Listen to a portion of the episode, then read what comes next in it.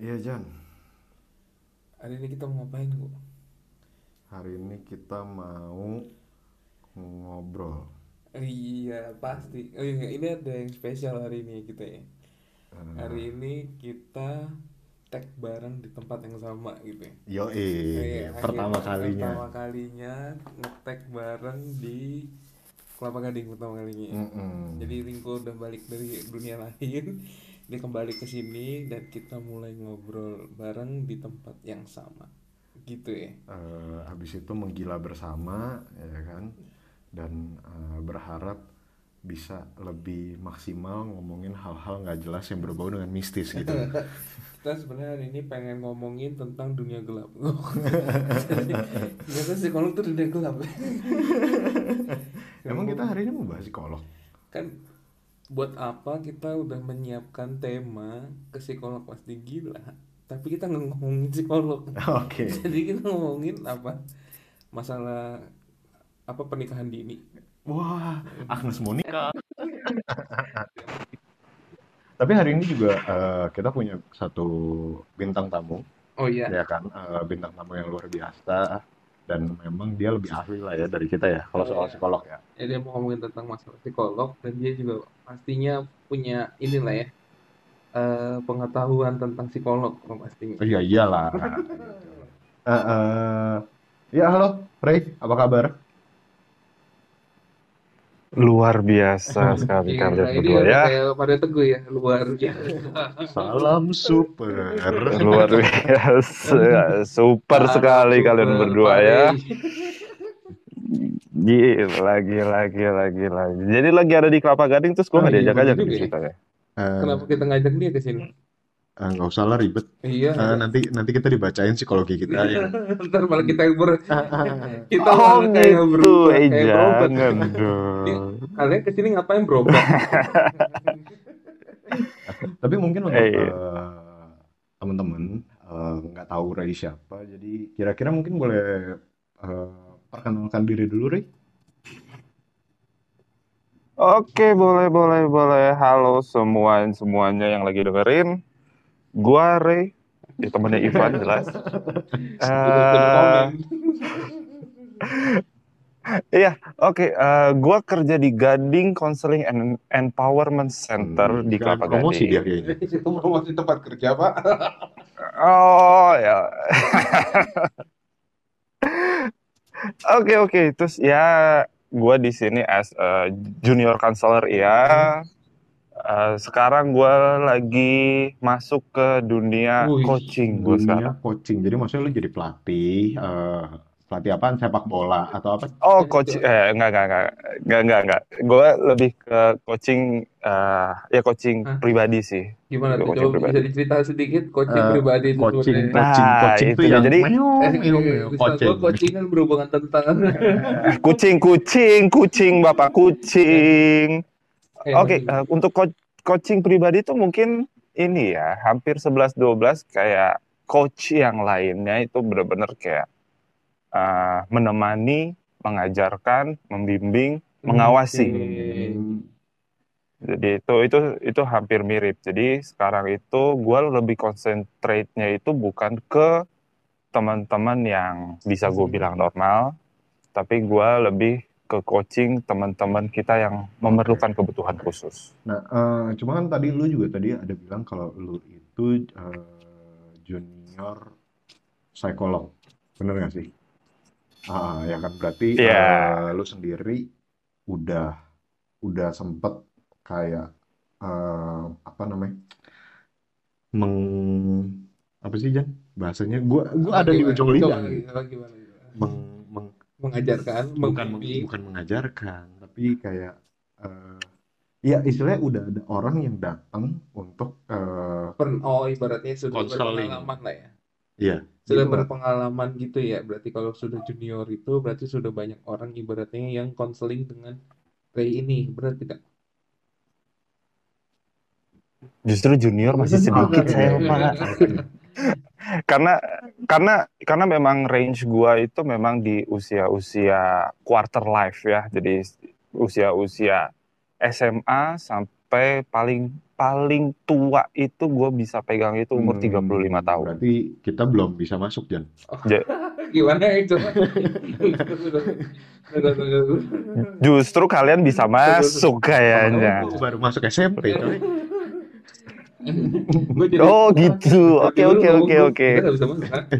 Gue umur berapa ya kok gitu Sebaiknya gue pembicaraan kita Apakah gue pernikahan dini Jadi Oke. quarter life yang quarter life dan berarti eh, lu sendiri tapi sudah pernah memang secara praktek ya untuk eh, apa melayani mereka yang ingin eh, Konseling. konseling kepada psikolog berarti kan? Ah, ah. Oh udah udah Eh, jelas kita pengen udah. tahu dulu sedikit kayak basicnya gitu tuh eh, psikolog ngapain aja gitu kali ya. Iya, kan selama ini kan kita nggak tahu nih Kita cuman pokoknya dengerin Psikolog ya lu mau ngomong curhat ke psikolog aja Kalau misalkan ibaratnya orang yang punya masalah ya punya masalah pribadi lu curhatnya ke psikolog aja nah sebenarnya psikolog itu ngapain ya kita kan perlu tahu juga nih nih. Oke, kalau untuk psikolog tuh ngapain aja sebenarnya kalian pun nggak salah. Iya, kita mendengarkan curhatan kalian. Lebih ke situ memang itu benar. Jadi kalau semisalnya mungkin kalian pernah dengar quotes itu semua orang bisa jadi Oh, iya. psikolog. Betul. Even kayak lu dengerin curhatan temen lu tuh ya lu Hmm. psikolognya dia. Oke. Cuman perbedaannya itu adalah terkadang ya ini sadar tanpa sa- eh, secara sadar atau enggak itu terkadang itu kalau kalian curhat ke teman kalian itu teman kalian itu pasti akan lebih pro ke kalian ketimbang Oke. ke yang lain. Oke. Eh, jadi kayak memihak gitu ya? Hmm. Oke. Ya pasti mau mau dia bil- mau ya sekarang sekarang kan kadang-kadang teman-teman ya lu curhat sama teman lu kadang-kadang teman lu juga "Nggak, ini gue bukannya mihak sama lu ya tapi itu secara nggak sadar ternyata lu tuh Hmm. berpihak sama teman lu gitu. Nah kita as a psikolog and counselor itu itu tid- eh, ada kode etik di mana kita tidak boleh attach Oke. sama sekali. Jadi ibaratnya nggak boleh apa namanya adanya ikatan gitu ya. Attach itu maksudnya.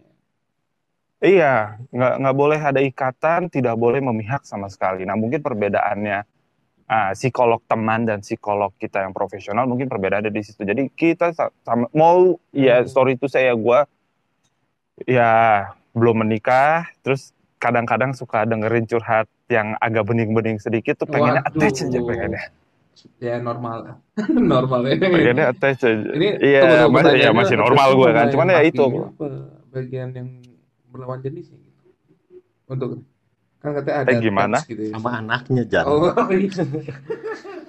kan dia belum dong, kan dia tiga lima. Ya Enggak, anaknya masih kecil dong, anda bikin gimana? Ya itu kan. Masa dia sama anaknya? Iya, jadi ya itulah. Jadi eh, kita itu as eh, ya as a psikolog and counselor itu kita dituntut untuk melihat suatu masalah itu lebih ke eagle eye. Visionnya lebih ke eagle eye. Jadi kita tidak memihak siapa pun tapi kita melihat masalah Hmm. secara keseluruhan. Fine. Eh, nah, Itu, bro. kalau misalnya gua dan Jan lihat-lihat, kita cari tahu, termasuk apa yang tadi lu udah ngomongin gitu ya.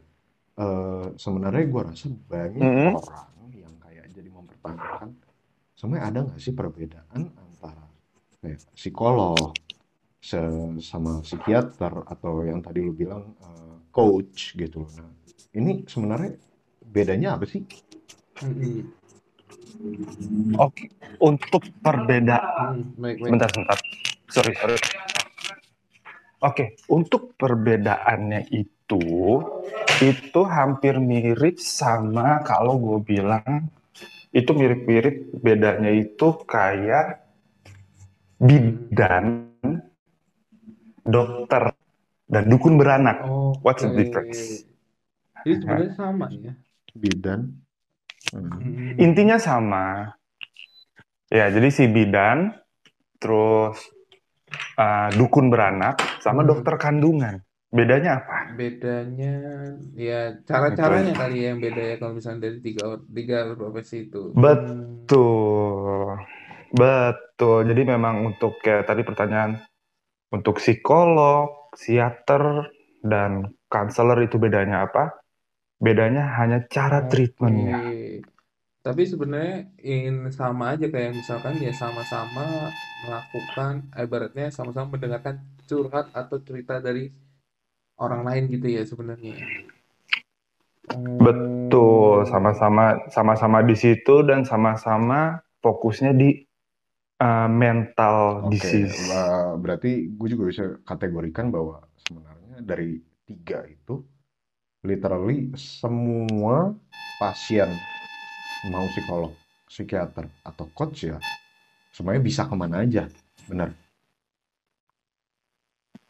Bisa ke mana? Oh, kalau masalah bisa ke mana aja, uh, seseorang yang punya mental illness itu tidak bisa datang ke coach. Oke, ah, lalu Itu nggak bisa. Nah, perbedaannya di situ aja. Jadi, coach itu dia lebih konsentrasi ke uh, uh, self development. Oke. Jadi biasanya ya itulah kenapa gue ngambil psik apa uh, psikologi and counselor plus coach itu karena terkadang satu se- seorang coach itu akan butuh konselor Oh, juga.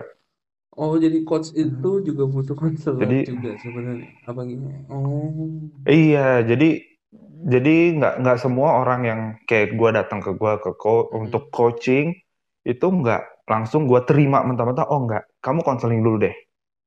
Betul. Untuk untuk di tag aja sebenarnya ini dia tuh nge-coach tuh akan ada soalnya itu apa ge- eh, keadaan mental seseorang itu akan meru, me- akan ini mengganggu proses coaching tuh akan mengganggu banget. Oh, jadi jadi maksud lo, eh, kalau gue boleh tarik kesimpulan berarti eh, itu akan datang ke konselor atau psikolog dulu untuk melihat sebenarnya ini orang eh, Bisa di coach. bisa di coach atau sebenarnya lebih prefer ke psikolog atau psikiater begitu. Jadi di dinilai dulu pada awalnya gitu ya. Betul. Oh. Oh, setelah Mm-mm, itu betul. dikategorisasikan seperti itu. Betul. Baru nah setelah itu biasanya nih ya, oke kalau di tempat gue tuh biasanya contoh eh eh, ya Pak saya ngerasain ini gini gini gini, gini. oke. Ya hampir mirip lah sama dokter umum. Let's say Oh, kita ketemu kalau ke rumah sakit kan kita ketemunya dokter umum dulu kan. Baru didiagnose, oh oke ini ini ini ini ini, kamu ketemu sama saya dokter spesialis otak, dokter ini. Nah, nah itu baru Dokter nanti di refer. spesialis kulit dan Oke, kelamin kamu gitu. masalahnya ini. Nah, gitu. Jadi masalah kamu ini, oke kamu saya kamu saya refer ke misalnya psikiater ibu ini atau oke kamu butuh self developing, oke saya refer kamu ke coach ini. Nah, gitu gitu. Jadi gitu, oh, Bro. oke. Dan dan berarti eh, apakah mungkin ketika orang yang pada awalnya datang terus kayak dinilai, oh eh, you're okay, eh, you just need coaching gitu.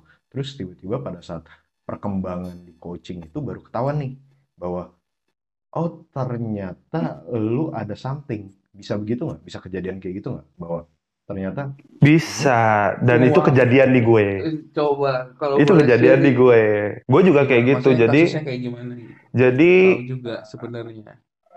jadi ah, kalian tahu OCD. Nggak sih? obsessive Pernah dengar nggak OCD? disorder. Oh, yang gua obsesi. Corbuzier diet itu loh. Bukan. Oh iya, sorry, sorry. Oh, ya mi- nggak nggak salah Yang sih gue lu, itu. nggak salah. Oke, eh, jadi ada.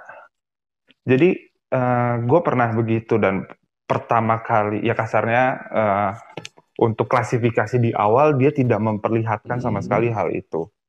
Begitu gue lagi coaching, dia ganti baju olahraga karena maksudnya waktu itu kita apa dia punya agenda tuh dia mau lari Hmm. di GBK. Jadi kan mau nggak mau gue as a coach gue harus ngikut dia lari ke GBK walaupun itu susah buat gue gitu kan. Udah udah tua ya, paru-parunya udah berbahaya gitu, udah mau Iya. Iya. As a coach, lu harus benar-benar mengikuti dia. Kalau lu mau, ya kalau kalau ada teman-teman yang lagi dengerin atau kalian mau berminat Hmm. untuk jadi coach, itu kalian benar-benar harus ngikutin kegiatannya dia selama 8 Oh. jam satu hari. Tapi kalian nggak boleh ikut Iya, mereka mandi ya. itu terlalu berlebihan seperti kalau ikut kamar mandi ya. Tapi kalau ikut Iya, mereka jadi buang air boleh. jadi ada. Oh ya nggak boleh juga nitip aja nitip. Itu boleh ya. Nitip masih boleh deh. Nah jadi ah jadi waktu itu gue sampai di GBK itu gue udah ngeliat loh kok ini orang bulak balik benerin tali Oke. sepatunya. Terus terus.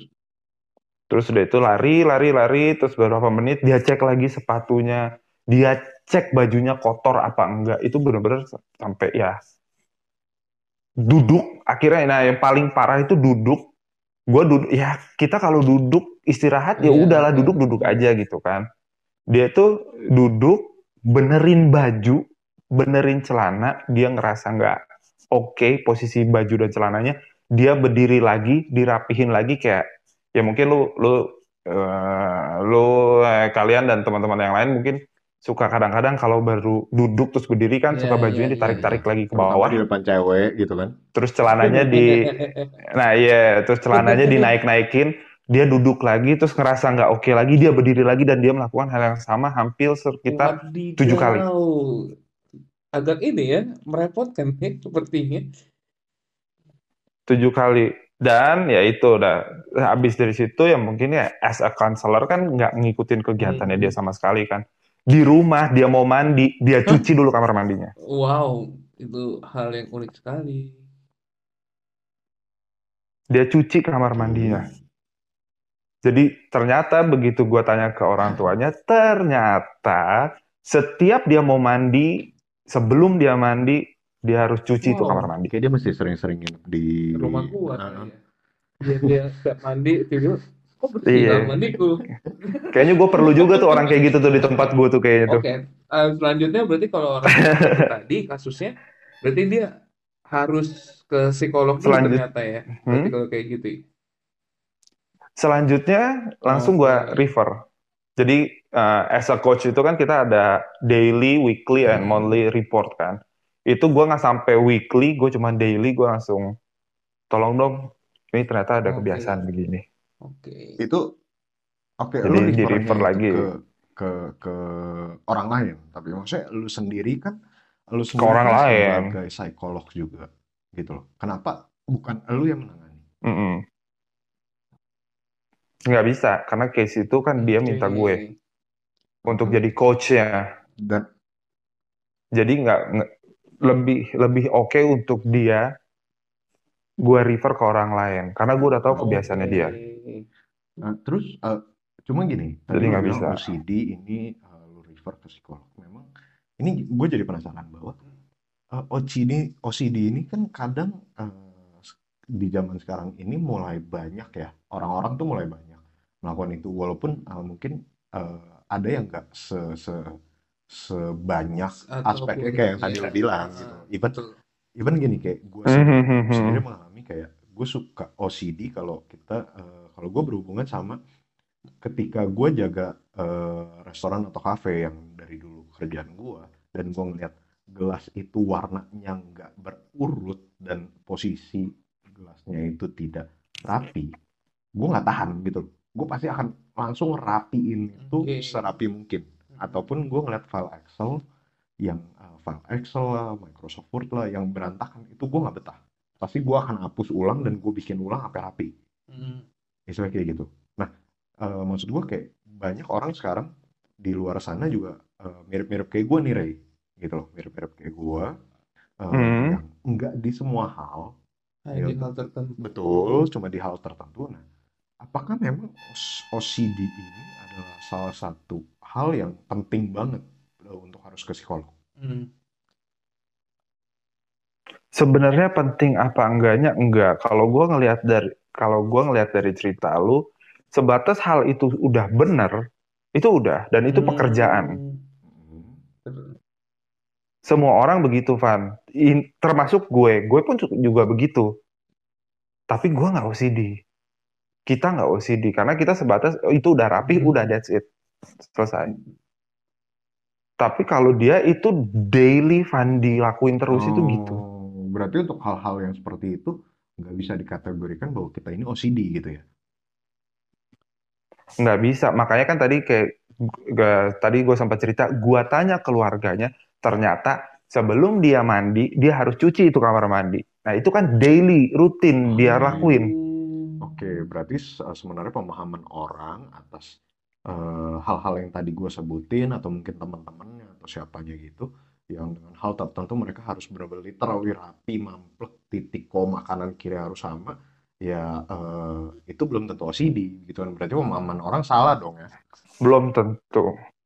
Iya, belum tentu, Van, belum tentu. Ah, itu mah, itu mah ya ki- kita laki-laki lah kalau ketemu lawan jenis yang rada bening sedikit ya itu mah udah jalan jalan alaminya aja, Van itu pasti begitu ya. Sisir kanan, sisir kiri, cium ketek kiri, cium ketek kanan itu udah itu udah alaminya Oh, begitu. Van. Itu bukan OCD. Berarti masyarakat yang mengatakan ini gue OCD atau nih orang OCD banget tuh ternyata belum tentu mereka OCD dalam arti gangguan. Maksudnya kayak tadi kan sebenarnya gangguan ya Oh, sebenarnya itu bukan. cuma sebutan aja kayak ya orang-orang jadi penduduk di sana di luar sana jangan terlalu berharap ada penyakit penyakit OCD sebenarnya Dan jangan berarti. ngejudge orang dikit-dikit OCD berarti Iya ya. betul. Heeh.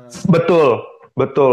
Itu nah itu ya jeleknya jeleknya sekarang tuh eh ya judgement itu kadang-kadang ya kita nggak tahu basicnya apa tapi kita udah judge kayak wah lu OCD lu itu gue gua ada juga cerita kayak gitu jadi dia cerita sama temennya temannya bilang wah kamu tuh Hmm. OCD gini gini gini gini begitu si temennya ini nge-refer ke gua ketemu ke gua tiba-tiba ya pertama kali ketemu ya bu apa Hmm. kabar dan dia nanya pak saya ke sini mau ngapain Oke. ya Terus terus Dan gue baca ya gue baca profilnya dia dia merasa dia ngapain? oke. Gue terus ya gue baca chatan dari si referan orang yang refer dia ke gue ini. ya, wah ceritanya agak buat gue agak sedikit jad- jadinya agak sedikit lebay karena gue ngelihat realnya dia nggak Oke. begitu. Karena orang OCD even buka pintu Oh, juga kelihatan. Buka pintu, turun dari mobil, nutup mobil, itu kelihatan. Orang OCD itu kelihatan. Jadi sebenarnya itu itu eh, Kelihatan pasti ya emang kelihatan. kalau sebenarnya OCD itu harus ibaratnya harus kita obati atau tidak ya sebenarnya kalau OCD itu kalau misalnya kayak gitu ya. Ah, Ya Oh, jelas harus diobati. Bukan diobati sih, tepatnya bukan di bukan diobati. Jadi ya segala segala yang kita sebut mental illness itu ada trigger-trigger yang nggak bisa kita hindarin. oke. Gu- Gue as a coach itu tidak bisa menghilangkan, tapi gue bisa bantu untuk manage. Jadi ditahan. Mungkin ditahannya sampai kayak Ivan atau kayak gue yang cuman sebatas ngelihat, oh ini miring sedikit, Hmm. udah selesai. Itu ditahan. Ditahannya sebatas di situ aja, nggak jadi terus-terusan continuous karena ya itu, wah kalau mau ngomongin mental illness ya macem-macem dan kayaknya hari ini juga nggak akan cukup Eh, deh. kalau itu eh, mungkin kita nggak akan terlalu dalam ke mental illness-nya ya. Cuma eh Nah, ini iya, iya, satu oke. pertanyaan yang bikin eh, menggelitik menurut gua kan bahwa banyak kan di luar sana juga orang-orang termasuk mungkin eh, gue juga sempat mempertanyakan bahwa eh, apa sih bedanya ya kan eh, orang yang eh, mental illness Hmm. gitu sama mungkin ada beberapa yang punya eh, ada juga yang bilang kayak oh ini eh, pe- apa kayak penyelewengan atau eh, pergeseran atau penyakit psikologis bawaan karena genetik Hmm. ya kan. Terus ada juga yang eh, ini psikolo pe- gangguan psikologis karena mungkin keadaan gitu loh segala macam. Nah sebenarnya dari tiga poin ini sebenarnya ada yang benar ada yang salah nggak sih? Terus dari situ bedanya apa sih Ray gitu loh. Hmm. Perbedaannya antara mental illness Iya. karena Iya. biologis berarti ya, Ka- karena biologis dan karena keadaan berarti. Lebih ke Eh, keadaan gini, ya? eh, apa gini deh gue pengen simpelin dulu Eh, ada nggak sih yang kayak gangguan psikologis yang berdasarkan genetik tapi bukan mental illness eh bukan tergolong mental illness ada nggak sih Hmm, itu dulu deh. Pernah dengar bipolar itu genetik? Eh, iya makanya itu katanya bipolar genetik gitu kan Ah, eh, Mm-mm. yang benar gimana? Jadi kalau kalau gua kalau gua bisa bilang perbedaannya itu perbedaan di Oke. triggernya perbedaannya. Jadi contoh kayak ada teman gue juga yang eh, ya memang secara secara kalau kita tarik garis ke belakang ke generasinya memang dia punya Oh, maksudnya bipolar. dari dari pendahulunya, dari orang tuanya, kakek neneknya gitu. Oke. Betul dari orang itu itu dari apalagi urusan bipolar dan ini banyak banget bipolar itu eh, Hmm. genetik Hmm. bipolar. Terus gimana tuh? Hmm. Bedanya sama orang yang bipolar karena eh, tidak karena genetik itu triggernya. Triggernya. Bisa kasih contoh Triggernya beda. J- Apa Nah, eh, perbedaan triggernya? nih. Perbedaan Oke, perbedaan triggernya kalau bipolar. Contoh gua orang yang bipolar karena Hmm. biologis ya. Karena biologis, nah itu udah dari awal itu udah ke track, Van. Even lu dari bayi pun lu udah ke track. Gimana itu maksudnya? Dari Itu bayi udah ke-track dari bayi. ceritanya tuh. Karena oke, eh, paling gampang itu orang bipolar tuh dilihat dari mood swingnya. Oh. Betul kan? Mood swingnya tuh kelihatan. Udah paling gampang soal kalau kita berbicara soal bipolar. Mood kita kalau kita ngomongin soal mood itu mood tuh dari bayi itu mood Hmm. itu berjalan.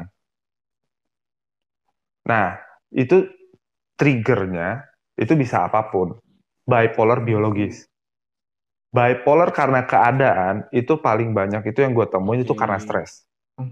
Oke, berarti maksudnya bipolar karena keadaan. Jadi- habis itu misalnya dia dari dia normal terus karena keadaan stres terus tiba-tiba dia jadi gila kayak gitu atau gimana? Hmm, Betul, Oke. betul, Oh, betul begitu. Gila gilanya itu dalam Jadi artian gitu. gimana nih Ray? Karena kan mungkin eh, banyak orang berpikir kalau kita bicara gila itu kayak orang gila di pinggir jalan gitu Ya, kan. atau misalkan yang berhalusinasi kayak kalau kita tahu kan orang gila itu suka berhalusinasi sembarangan, Ah, gitu. suka ya kayak ada be gitu-gitu Ah, ah. lah yang biasa kita lihat di TV-TV ataupun diceritakan orang. Betul betul. Apakah semua yang disebut orang gila itu seperti itu atau sebenarnya ya ada lagi yang klasifikasinya ah. dalam dalam tingkat eh, mental illness lah kita ngomongin. Hmm. Apakah ada klasifikasi sendiri atau urutan-urutan atau tingkatan-tingkatan dalam mental illness itu? Kalau yang kalau yang itu sih yang tadi disebutin yang udah wah, wah, wah, wah, udah nggak jelas itu gue pernah punya cerita itu waktu pertama kali gue ke rumah sakit Hmm. jiwa grogol. Gila itu gue baru ngerasain dan namanya gue harus masuk ke tempat yang mungkin hampir mirip saya kayak zombie apokalips yang orang tidur sembarangan di mana-mana. Terus sehelai rambut diangkat, itu serambut-rambut keangkat. gimana? Dia berasanya maksudnya berasanya serambut-rambut diangkat gitu maksudnya atau Enggak, enggak. Gimbal, kalau ya lu kalau ngelihat orang gimbal kan kadang-kadang kan diatur gitu kan. Satu line, satu line gitu. Enggak. Kalau yang waktu itu yang gua, oh Itu lu tarik satu helai ujung rambutnya, ditarik ke atas, itu rambut-rambutnya udah nggak keangkat, kan. Jan. dianya sendiri udah nggak terawat gitu ya, bener-bener orang gila yang kayak gitu ya. Dianya udah nggak Oh. terawat sama sekali dan itu perempuan. Oh, Masih bisa diajak ngobrol. Diajak ngobrol masih bisa. Hah? Gue dikira Oh, bapaknya wow. jemput dia. Papare, papare. Pap, data papare ya. Jadi nggak dia dia dia nggak nyebut nama sih, cuman papa papa papa akhirnya jemput ya. Itu gue merinding di situ Van. Pertama kalinya sebelum maksudnya sebelum gue banyak menemukan case-case Hmm. case yang lainnya gitu kan. Itu kan waktu itu gue lagi praktek Hmm, di awal oke. tuh kan. Itu merinding merinding jos Iya, Saya pokoknya. merasakan itu sih. Hmm. Jadi ceritanya saya merasakan seperti itu ya. Dan dan ternyata latar belakang eh, ya latar belakang ceritanya kenapa dia bisa jadi kayak begini sekarang itu karena dia dari desa pindah ke Jakarta, bukan pindah, eh, pergi ke Jakarta, cari bapaknya, diperkosa, digilir rame-rame di jalan. Oh, Trauma berarti ya. Ada traumatik, Ya. ada ada kejadian buruk yang benar dia nggak bisa terima berarti ya. Itu yang gue bilang, yang kalau tadi kita soal bahas soal faktor biologis dan faktor keadaan, itu itu satu. Jadi eh, kadang bukan kadang, sering kali orang itu kita bilang mentalnya illness, mental illness itu satu karena kejadian yang traumatik. Oke. Itu satu. Kehilangan orang tua.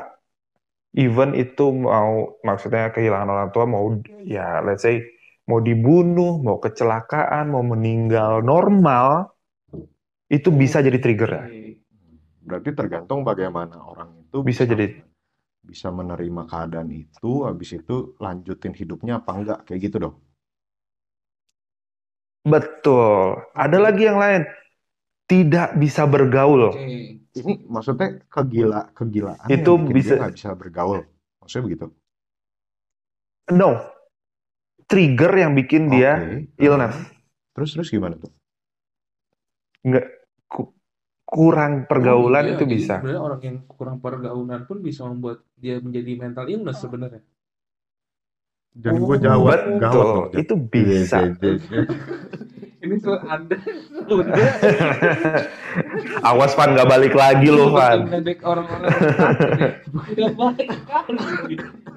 Nggak nggak boleh gitu loh, ntar kena azab TV lu. Ada seperti itu. Eh, eh, nggak boleh nyebut merek Iya. Apa-apa dong. tahu lah. Di Indonesia itu banyak sinetron azab gitu. Oke, terus ada lagi trigger yang lain. Tadi kan gue bilang trigger seorang orang Yang tua. lain lagi. Ditinggal pasangan, eh sorry, di- ditinggal pacar satu, di ditinggal pasangan suami Ya. atau istri, Hmm. mau itu ditinggal cerai apa ditinggal mati, itu bisa Oke. banget. Berarti Ringo sebenarnya agak serem ya. Trigger-trigger ditinggal pacar gitu ya. Eh. Nah, nah, nah, nah. Kayaknya abis Oke. ini kita buka sesi baru nih kayaknya nih. Ah, Ini gua. Mungkin nanti gua akan bagian umum dulu apa yang orang sakit apa enggak. Habis itu gua baru eh, siapa tahu bisa oh refer ya temen gua yang ini. Gua takut gitu. Oke, terus eh, masih ber- masih berhubungan dengan soal yang kurang mampu bergaul tadi. Nah, itu tuh triggernya itu kebanyakan rendah diri. Oh. Dia kenapa dia nggak bisa bergaul? Karena dia ngerasa Kan rendah diri. Semua kan. Capek nih gue. Nggak percaya diri ya. Oke. Gitu-gitu. Ya, ti- ah, rendah diri, merasa tidak mampu untuk melakukan Hmm. sesuatu, dan yang paling parah merasa kesepian. Oke. Sebenarnya kayak di film Itu di film trigger film keadaan ya. gitu ya orang kurang bergaul apa bisa menimbulkan sebenarnya kelihatannya sehat padahal enggak gitu ya kayak kayak it's Hmm, okay to ya be even ya kayak okay ya? kayak Iya sekarang. Ale? Nah, itu kayaknya itu itu recommended Oh, banget untuk ditonton Nah, sih eh, sebenarnya. Kalau gue sih malah mikirnya kayak ini yang I Am Legend Will Smith. Yang dia cuma Oh, sendirian yang ngomong sama anjing ya? Akhirnya dia kayak kayak Bisa, patung bisa. gitu. Ta- Iya, Eh, iya, eh nggak iya. bisa, nggak bisa. Kalau kalau gue kalau gue bilang sih eh, kalau kita ininya anjing ya karena kita gue tuh punya klien juga ada yang eh gue komunikasi dengan eh, salah satu Hmm. dokter hewan di Jakarta.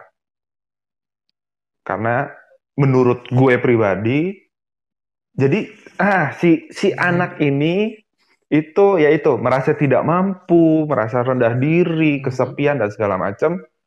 Dia susah susah untuk bergaul sama orang, susah banget. Nah, dan akhirnya gue me- memikirkan cara yang buat buat gue pribadi agak Hmm. sedikit ekstrim ya. Caranya adalah gue menghubungi salah satu dokter hewan di Jakarta. Gue gua itu, Bu, ada anjing yang bisa Oke. diadopsi enggak? Kenapa anjing? Karena anjing itu ada buat gue itu eh, hewan yang bisa menunjukkan rasa empati. Tapi kalau kayak di film gitu kan dia menggambarkan Kalau kalau si uh, Will Smith ini uh, kayak malah flirting sama patung gitu loh. Goda-godain patung gitu. Nah, itu apakah bukan udah termasuk mengarah ke kegilaan gitu, Ray? Iya, itu udah halu sih. Dari dari halu bisa jadi gila apa halu udah Halu. bagian dari gila? halu udah bagian dari gila. Ya, oke, N- Eh, ini masalah halu ya. Eh, ya. Lu lu kan eh, ya Ivan Ivan pernah ketemu gua langsung. Lu notice nggak sih Ivan di sebelah kiri dahi gua itu ada ada bek- eh, ya ada bekas ber- kayak bercak hitam Enggak, di karena dahi lu gua lu notice nggak? Kalau lu cewek mungkin. Oh iya sih. Ya, Jadi-. Gua gua punya gua punya eh, gua punya klien juga gitu yang yang di awalnya Hmm. ya sorry itu saya ini gue bukannya Sarah ya sorry itu saya jadi dia rad- dia itu eh, ya mungkin kebanyakan dapat info mengenai teman-teman kita yang muslim lah ya jadi dia itu paling anti banget sama orang yang punya ada mark karena sholat. Hmm, hmm. betul. Itu begitu dia ketemu gua dengan mark gua ada di situ dia bener-bener tolak gua mati-matian. Oke. Oh, halu. Halunya dia apa? Oh, gua mau bunuh dia. Oke. oh jadi maksudnya dia mendapatkan informasi Jadi- informasi yang eh, tidak benar, akhirnya itu terdoktrin sampai ke alam bawah sadar dia gitu maksudnya. Iya, jadi semua, jadi dia tuh punya mindset itu ini yang, yang gue bilang schizofren ini ya. Hmm. Ih, Dia tuh jadi punya, dia tuh punya mindset. Eh, kayak kalau lu pernah mungkin pernah pernah ngelihat kayak pranknya Jelal pernah nggak sih? Ada ada ada prank itu dia si Jelal tuh yang dia selalu kayak ya dia berpakaian berpakaian eh, laki-laki Muslim di Oh, yang Arab itu yang masih pakai itu gitu ya. apa sih itu namanya? Oh iya iya. iya. Betul. Nah, itu kan itu sebenarnya untuk beberapa teman-teman kita tuh kadang-kadang tuh yang punya mental illness itu kadang-kadang tuh jadi mindsetnya dia. Dia begitu. Jadi dia tuh dia tuh selalu mencari semua pembuktian di mana teman-teman kita yang muslim itu identik dengan pembunuh.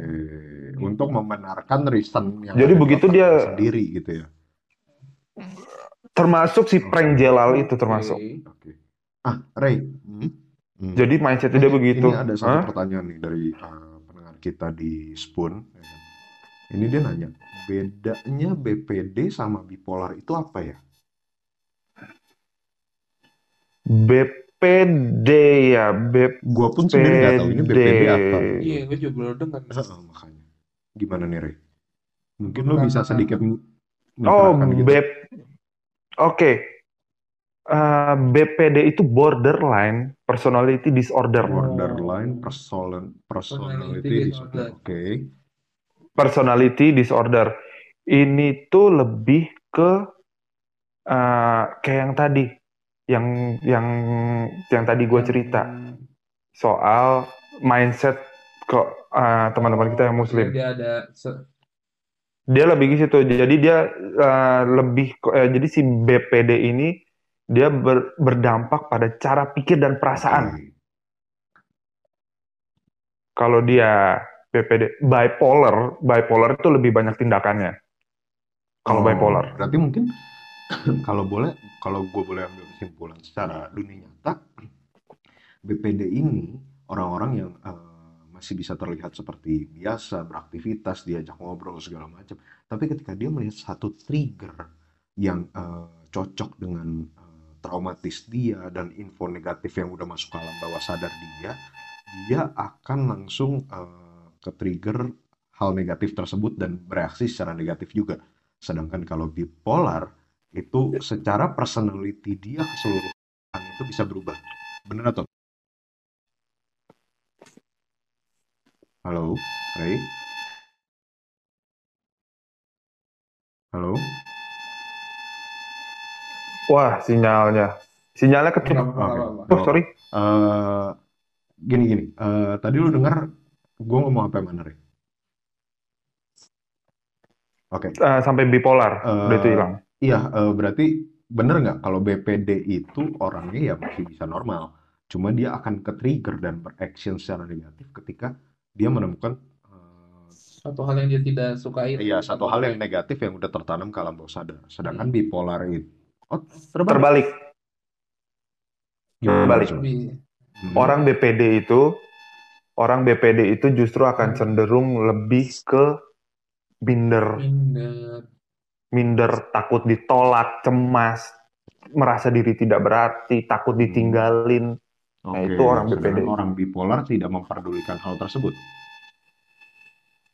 Orang bipolar egonya Oh, tinggi, bro. baru tahu nih. Jadi jadi Ego yang tinggi seperti apa tuh? Enggak, gue baru tahu nih ternyata orang bipolar itu orangnya punya ego tinggi.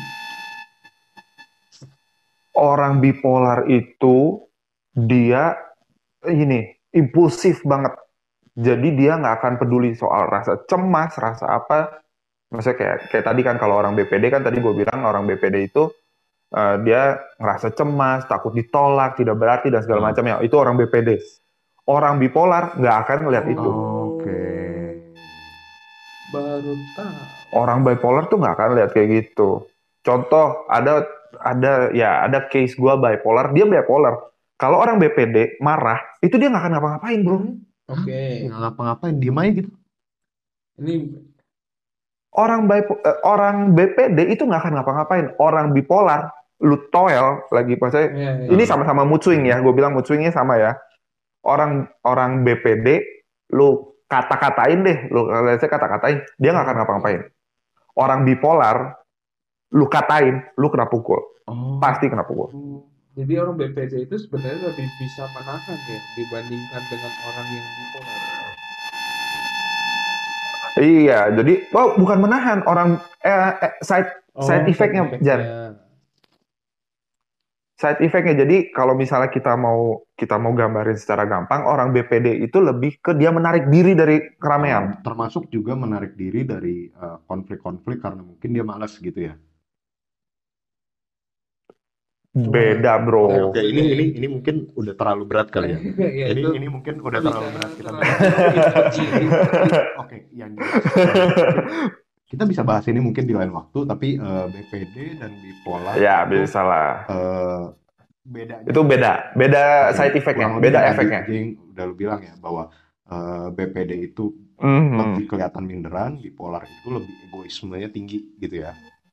Oke. Iya, itu Nah, yang paling terus, gampang. eh, kalau misalnya kita bicara udah yang gangguan kejiwaan eh, secara biologis dan secara kondisi dan mungkin eh, kalau gue boleh narik eh, mengingat kembali yang dulu kita sempat bicara berdua dan tadi soalnya kita nggak sempat bahas nih soal psik- eh, gangguan psikologis karena keadaan mungkin kayak orang kena eh, efek dari COVID yang susah cari duit segala macam eh, Betul, betul, mereka betul, betul, betul, betul. bipolar, mereka nggak nyampe BPD, mereka nggak nyampe jadi gila, eh, tapi mereka cuma jadi gampang marah, gampang tersinggung, segala macam kayak gitu bener nggak? Nyampe Oke. kemungkinan. Kenapa gimana? Kemungkinan Nyampe kemungkinan, kenyam- jadi mudah tersinggung itu gara Kemungkinan jadi bipolar, gitu, kemungkinan jadi bi- eh, BPD, Oke. itu kemungkinan ada. Tapi, tapi Bisa. itu masih tahap awal, mereka belum nyampe bipolarnya, betul kan ya? Oh, Hmm, betul. Nggak, nggak yang parah, karena kan Hmm, bukan genetik. Oke, Eh, kita cepat aja nih soalnya eh, waktu kita tinggal bentar lagi. Nah, Ya, durasi, durasi, durasi. kan eh, kalau udah itu semua nih, kita udah tahu segala macam, terus eh, datang ke psikolog lah, entah itu dia bilang psikolog lah, psikiater atau apa pun itu, treatmentnya, step-step untuk nge-treat orang-orang seperti ini tuh eh, pada saat lu counseling atau lu coaching, itu gimana sih? Hmm. Ini treatment Ya, pribadi berarti. sharing dari Apa Kalau treatment secara umum ya? secara umum aja Secara ya. umum aja, Karena kan kita ngomongin masalahnya orang kan biar tahu juga nih treatment treatment biasanya orang datang tuh ngapain sih? Oke, eh, ya itulah yang tadi kayak di awal gue sempat bilang kalau untuk masalah treatment atau step-stepnya itu ya ibarat kalau ke rumah sakit ya lu ke dokter umum dulu baru kita bisa klas- klasifikasi Hmm. lu ke mana ke mana ke mana. Cuman eh, kalau gue pribadi gue punya treatment Oke. sendiri kalau gue. Kena, eh, jadi treatment gue sendiri itu adalah gue tidak akan memberikan asumsi atau sugesti apa pun ke teman-teman yang datang ke gue Hmm, lalu lalu gimana? karena gue lebih membantu mereka find out caranya mereka. Satu, karena gue punya mindset sendiri adalah setiap orang itu dihadapin masalah yang Hmm. Oke. berbeda-beda dan dan punya cara masing-masing untuk menghadapin masalah itu. Oke. Jadi ya terkadang ya ya gue gua nggak pernah menerapkan ya mungkin kayak gue nggak tahu ke yang lain, cuman eh, kalau gua itu lebih lebih sukanya adalah eh, gua bareng-bareng bersama teman-teman yang datang ke gua itu, yuk kita bareng-bareng find out cara kamu seperti apa. Karena itu lebih worse. Kenapa gue bilang lebih worse? Karena cara itulah yang dia dapatkan sendiri dengan kesenangan hatinya. Oke. Hmm. Jadi kalau misalkan nih ya, misalkan gua nih, Re, gua datang ke lu nih. Eh, Hmm. berarti pada saat gua Hmm. datang, oke, selamat ma misalnya lu selamat datang segala macam. Nah, yang lu biasanya tanya apa apa lu tanyakan dulu ada apa Pak atau kita yang datang langsung ngomong, Re, gue lagi gini gini gini atau gimana? Oh Gue enggak, juga ya pengen tahu biasa. sih. Maksudnya Ah, biar kita tahu nih gambaran orang ke psikolog itu sebenarnya datang dia diapain terus akhirnya ada tahap tadi lu bilang ngobrol kita find out eh, idea bareng-bareng Nah, itu- ngapain Run- runtutannya lah kurang lebih kalau gua ya berhubung karena gua kebanyakan yang datang ke gua itu adalah teman-teman yang dari Hmm. quarter life itu. Jadi gua lebih memai jadi ya inilah kadang-kadang ada ada juga yang agak sedikit jelek mungkin sesuai dengan tagline yang kalian bikin ke psikolog pasti gila. Jadi kadang-kadang tuh ada pressure-nya tersendiri di mana lu masuk ke ruang tiga kali tiga Hmm. bersama orang asing dan lu harus bercita. Itu ada ada kadang-kadang tuh eh, teman-teman yang datang ke gue tuh ada Hmm. pressure-nya tersendiri. Nah itu gue berhubung karena ya dikasihnya memang yang Hmm. quarter life, gue akan bikin suasananya itu eh, jadi kayak nongkrong. Hmm. Jadi kayak gimana hari Oh, ini jalannya, di ruang maksudnya perjalanan dari tiga, rumah. kalau kayak nongkrong lu nyalain shisha gitu di dalam gitu kan. tiba-tiba oh Kadang gue harus begitu. terus ada Amer juga kadang-kadang Kadang gue harus begitu. Jadi kadang-kadang gue harus kayak kita keluar ngob- ngobrol di Starbucks atau keluar ngobrol di mall mana. Itu Oh, kadang-kadang gue harus ada juga begitu. yang sampai beliin sifat regal gitu ya mungkin ya. Sebenarnya kan ya, alkohol juga tidak boleh Um, diminum komitmen dia akan Uh, for your for your info, ya ada beberapa ya kalau kalian bisa baca-baca di di Google juga mungkin ba- uh, ada beberapa psikolog yang bilang nikotin dan alkohol itu bagian dari mental illness. Hmm, pantas pantas kayak kalau kita lihat di Oh, film-film oke. kayak orang-orang eh, bilang kayak eh, sorry gue udah free dari alkohol selama 9 tahun gitu kadang. Padahal kayak kalau buat kita di Indo tuh kayak eh, kayak nggak selebay itu deh. Alkohol gue juga minum nggak sering-sering kayak gitu. Iya nggak sih? Atau Iya. ini baru tahu. Dan itu tuh bagian dari itu bagian dari mental illness. Yang lebih tepatnya kalau ini itu lebih ke gangguan kecemasan si alkohol dan nikotin. Hah? Jadi kalau misalnya ya kalau kalau mau find out sendiri perhatiin deh trigger-trigger apa sih yang ngebuat kalian ngerokok dan mengkonsumsi alkohol. itu Itu perhatiin. yang bilang kecemasan ini maksudnya insecurities Insecurities. Oh, jadi Jadi mungkin ada trigger, ya mungkin ada beberapa trigger yang eh itu tuh jadi comfort zone-nya lu. Jadi di mana lu merasa itu insecurities, di mana lu merasa cemas lu lagi tinggi, lu harus nyari rokok, lu nyari harus nyari alkohol. berarti Nah, itu. kalau misalnya lu kelar makan nggak ngerokok tuh kayak kurang enak bukan yang di- bukan kayak di situnya ya tapi lebih kayak Bukan. Itu tuh bagian dari kecemasan lu.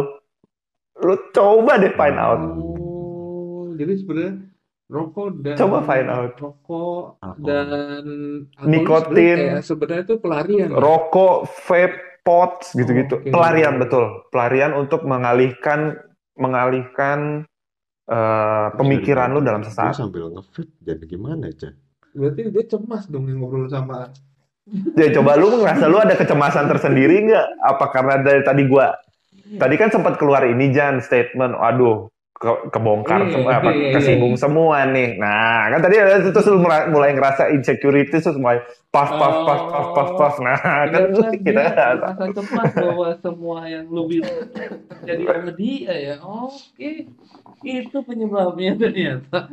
Oh, Jadi gitu. Jadi kalau gue lebih seneng itu treatmentnya atau step-stepnya itu gue lebih seneng membuat uh, suatu pembicaraan gue dan teman-teman itu as a friend. Jadi lebih santai, nggak yang saya, nggak. Gue gue kadang-kadang masih yang, eh gimana lu? Jalan dari rumah ke sini gimana macet nggak? Oke, Eh, ma- masih Jadi gitu lu datang temen lah ya ngobrol sama temen Oke. gitu ya kita membuat orang treatment itu. Iya, iya karena Nggak di saat, lanjut, lanjut. Jadi di di di saat di itu kan kita kan bekerja di ini kan kita berdasarkan based on Hmm. trust kan. Ketika lo udah mencapai trustnya orang lain, itu lo mau ubek-ubek sampai ke akarnya itu akan keluar semua. Tapi kalau dari awal, ya memang beberapa teman-teman gue juga pada bilang, Ray rambut potong lah. Nah, gue nggak pernah ngeliat ada konselor Hmm. atau coach rambutnya Panjang gitu. rambutnya Hmm. gondrong. Oh, iya gondrong terus kadang-kadang juga gue kalau lagi ngobrol sama ya lagi ketemu klien kayak besok besok gue ada ketemu klien gue di eh, Mall Kelapa Gading. Dia maunya di situ itu gue pertama kali itu dia sampai wah kok kok lu lu, lu tindikan? Loh iya emang kenapa? gue bilang. Hmm. ini gue kok gue bilang. Dengan rambut gondrong dan tindikan emang kenapa? Ya itu makanya ke situ-situ kalau misalnya memang dia nggak nyaman sama gue dengan gue yang gondrong dan tindikan tidak akan ada Oke. pertemuan yang selanjutnya dia, dong dia dipersilakan untuk mencari eh, tapi ini psikolog yang lain seperti itu ya.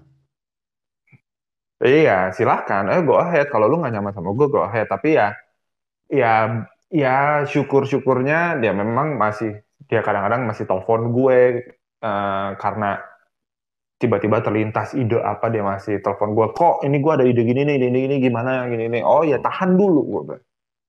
Jadi itu itu salah satu eh, illness yang gue bilang impulsif. Jadi eh, apa yang dia mau harus hari itu harus hari itu harus sekarang. Ya itu itu, itu gangguan juga itu. Jadi ya itu. Jadi ya treatment treatment balik lagi ya. Treatment eh, psikolog konselor coach atau psikiater itu beda-beda. Nah, gini eh, sebelum eh, kita ke pertanyaan terakhir ya, sekaligus kesimpulan, ini ada teman kita mungkin eh, yang baru join, ada Devi. Mungkin tadi dia kurang eh, gitu, apa? Nggak nggak nggak sempat ngikutin kita karena baru join. Dia ada sedikit pertanyaan simple. Quarter life itu maksudnya gimana ya, gitu. Dan mungkin masih ada teman-teman kita juga di luar sana yang belum ngerti banget quarter life itu gimana.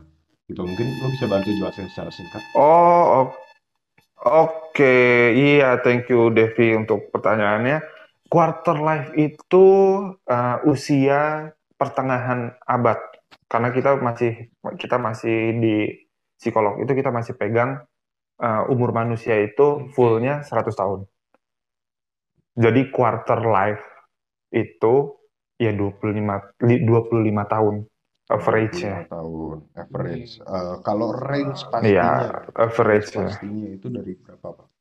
Kalau range pastinya, range pasti yang gua 18 sampai Berarti 35 tahun.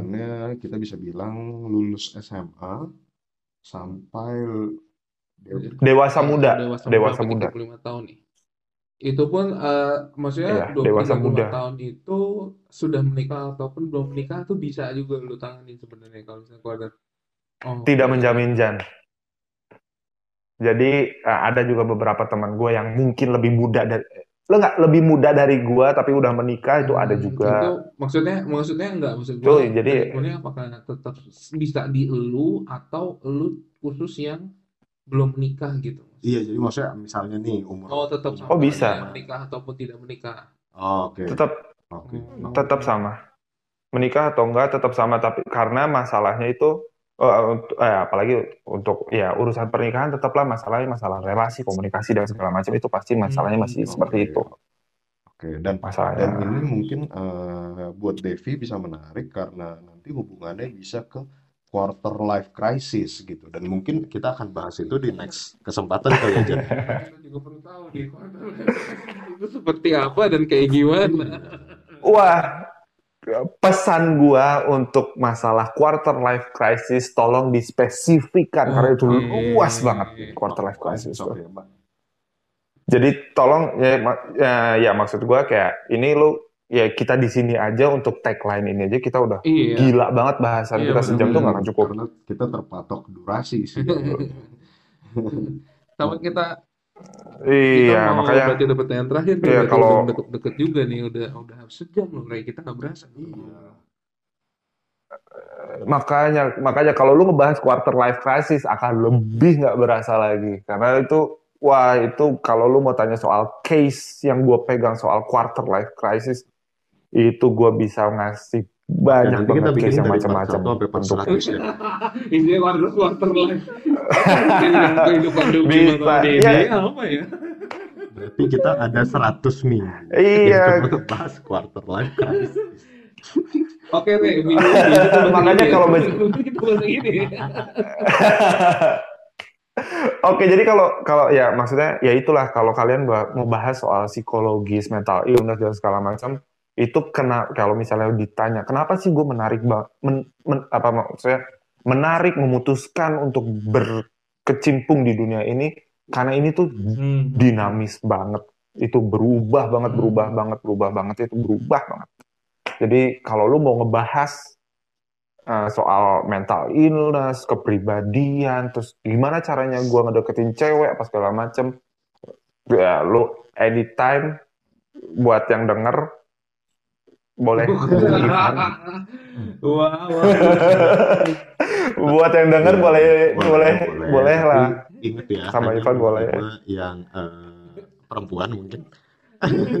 wanita aja Itu terserah lu dah. ya, ya. Laki-laki bisa jajan. Van itu kode etik loh. Itu kode Oh, iya? etik loh, Van. Hati-hati itu kode etik, itu kode etik ya. Makanya kan tadi di awal gue sempat ngomong kan, itu ada nih yang datang ke gua, wah beningnya gua Hmm. dikasih mau Jan. Tapi berhubung karena kode etik, itu mau. itu lu bisa ya Ini udah kayak bener-bener banget nih, kayak bener-bener cantik banget gitu ya kliennya ya. iya iya itu gue dikasih juga mau tapi berhubung karena kode etik itu kalau misalnya di kedokteran itu bisa dicabut izin izin praktek lu tuh bisa dicabut Oh. ingat ingat yang kemarin yang ada Yang sempat itu ya, booming itu apa, masalah si yang mengaku-ngaku yang di hotel. apa pun itu lah ya yang yang artis-artis Betul, itu ya yang di- Ya, terus itu ke hotel. banget. Iya, terus ke hotel. Eh, Itu, to be honest aja, gue pernah, pernah, bukan pernah melakukan Maksudnya? treatment itu ya, bukan. Tapi Oh, pernah diajak Kak, lebih supaya kita, supaya kita ngobrolnya enak, boleh nggak kita ngobrol di hotel Oh, ini? Itu pernah. oke. Itu ha- harus tah untuk untuk masuk ke dunia ini lu harus benar-benar tahan banget sama Oh tuh iman bahkan lu. kadang-kadang itu ya Jangan ya selingkuh, sebenarnya, Rey. jangan Kadang-kadang itu. kayak gitu ya. It, bro, ini udah trik gua dari sebenarnya ya sebelum gua jadi psikolog, konselor dan coach ini ini udah trik gua dari dulu. Di mana lu kalau mau dapetin cewek, lu bikin dia banyak cerita sama lu, dia nyaman sama lu, Hmm. Tak, oke. Hmm. Tawan kan buaya. Itu tuh,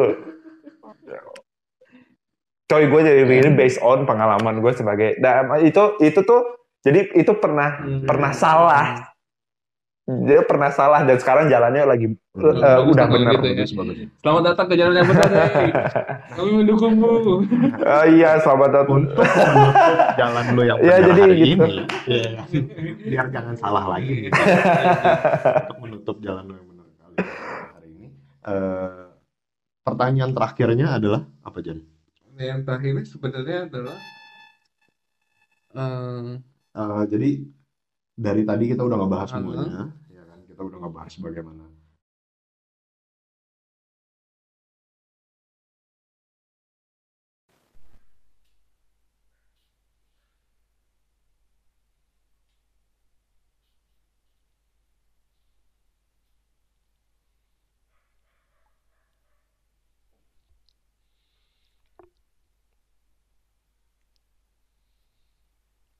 udah gua kirim ke yang foto lu merit